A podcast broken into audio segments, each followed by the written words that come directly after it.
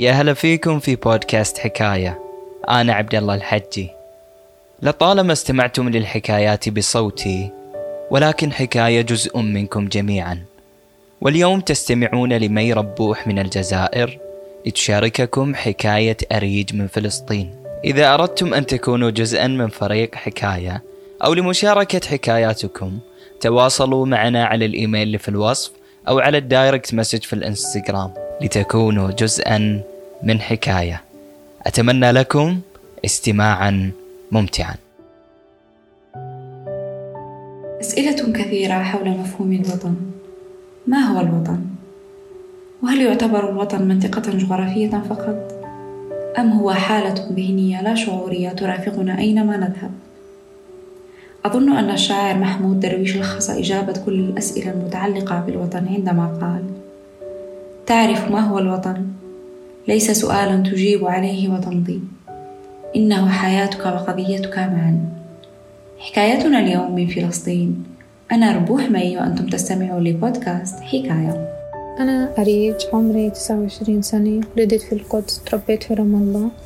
إيه، جو العائلة كان لطيف وأجمل شي بالكون. شي ما بقدر إني أعبر عنه بوضع كلمات لأنه إحساس قوي نابع من القلب. تحكي لنا أريج الفتاة الفلسطينية المقيمة حاليا في دبي عن تجربتها مع الغربة وعلاقتها مع بلدها فلسطين بدءا بالطفولة الأهل والدراسة. إيه ما بتذكر بكل تأكيد كيف بدأت حياتي الأشياء اللي ما بنساها في طفولتي ذكريات اللعب مع الأصدقاء. إيه الإحساس كان مرهف وكل يوم طاقة جديدة بتتجدد و...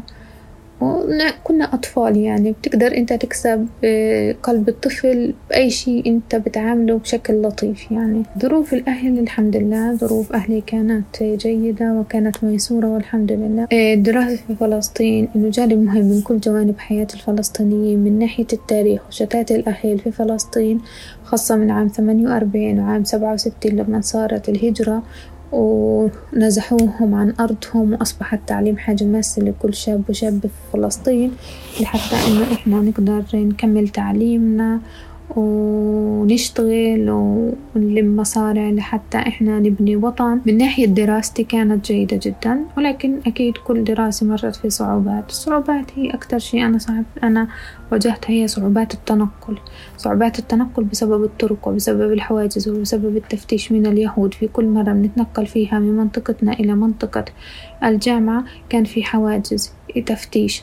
أسئلة من اليهود. بالرغم من الصعوبات التي واجهتها أريج أثناء الدراسة والتنقل في وجود المحتل كانت فكرة الغربة والعيش ببلد آخر أصعب.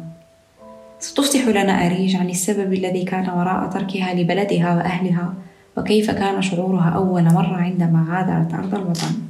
سبب خروجي من فلسطين إنه أنا تزوجت من شاب يعمل في الإمارات وهذا هو السبب الرئيسي إنه إحنا بنلاقي فرص عمل أكثر من فلسطين بسبب الاحتلال.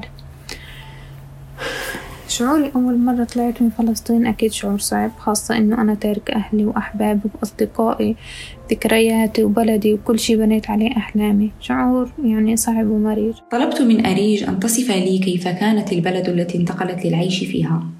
وكيف كان تأثير هذا الحدث على جوانب حياتها ككل؟ بداية عيشي في بلد آخر أكيد أول شي من كل شي بيكون صعب وبده وقت لحتى إحنا نقدر نتأقلم عليه. ولها أكيد حسيت بالوحدة لأنه أنا في بلد ما بعرف فيها حدا ما بعرف أهل ما ما في عندي أهلي ولا أصدقائي. ولكن حسيت في الأمان في دبي. دبي بلد أمان إنه سهل التنقل فيها. إيه على عكس فلسطين. فلسطين مع الاحتلال صعب التنقل. وصعب تحس بالإيمان في هذا الشي ما حسيت إنه حصل تغيير ملحوظ في الحالة الاجتماعية. يمكن حسيت إنه أنا صرت أعتمد على حالي أكثر يعني ما في عندي أهل عندي يسندوني يقووني. أما في الناحية الاقتصادية حسيت نسبة التحسن بنسبة تقريبا ثلاثين بالمية. الفقد. شعور الفقد من أسوأ المشاعر التي يمر بها المرء هكذا كان تعليق أريج وعلى ما أظن هو جواب مشترك لكل من ذاق مرارة الفقد.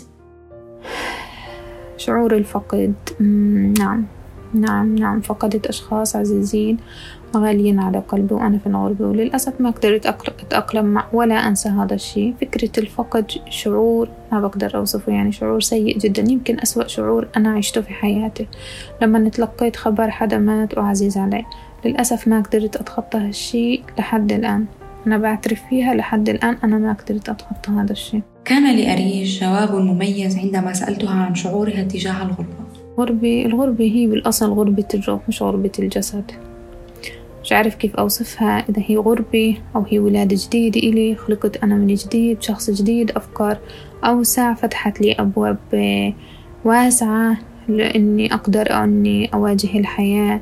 الغربة قوتني أعطتني القوة. الغربة جعلتني أقوى ولكن هذه القوة لا تلغي وجود مشاعر الاشتياق والحنين للأهل بالطبع. أسوأ إشي في الغربة حسيت الأهل الأهل الأهل. يعني أنا ما أنا أنا مشتاق للأهل أنا مشتاق للوطن أنا مشتاق بدي حدا بدي حدا يسندني. فهي مشكلة الأهل. أسوأ أسوأ شي بالغربة الأهل. ولما سألتها عن شعورها تجاه وطنها هكذا كانت إجابتها. الوطن ذاتي أول وآخر بدايته ونهايتي هويتي وهوية ولادي. الوطن أنا بالنسبة إلي نعمي نعمي فوق كل النعم. مكسب أنا يعني هو اختارني رغم عني. إشي بتحسه من داخلك إنه أنت بتستعد للموت فداء لأجله. حب مزروع في قلوبنا ولم يصنع. هكذا اختارت أريج أن تختم حكايتها. أنا اشتقت لعبق الذكريات الحلوة وللمة ولمة العيلة وللحنين أعتقد إنه يعني لو بدلنا كلمة مشتاق لكلمة أكثر عمق واختلاف لاختلف الحال شوي يعني إنه أنا ملهوف ملهوف على وطني وأهلي. الوطن أنا بقدر إني أعبر على إنه الوطن والأهل هم الحب الوحيد الخالي من كل الشوائب.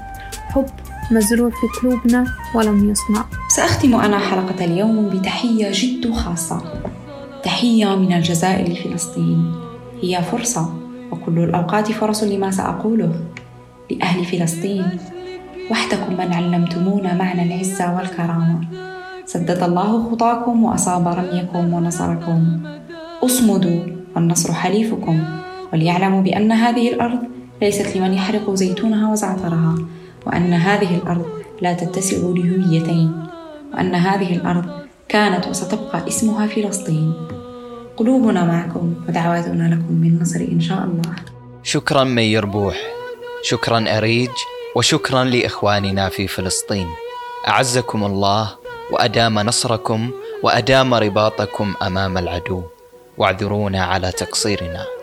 شكرا لاستماعكم ونلقاكم على خير.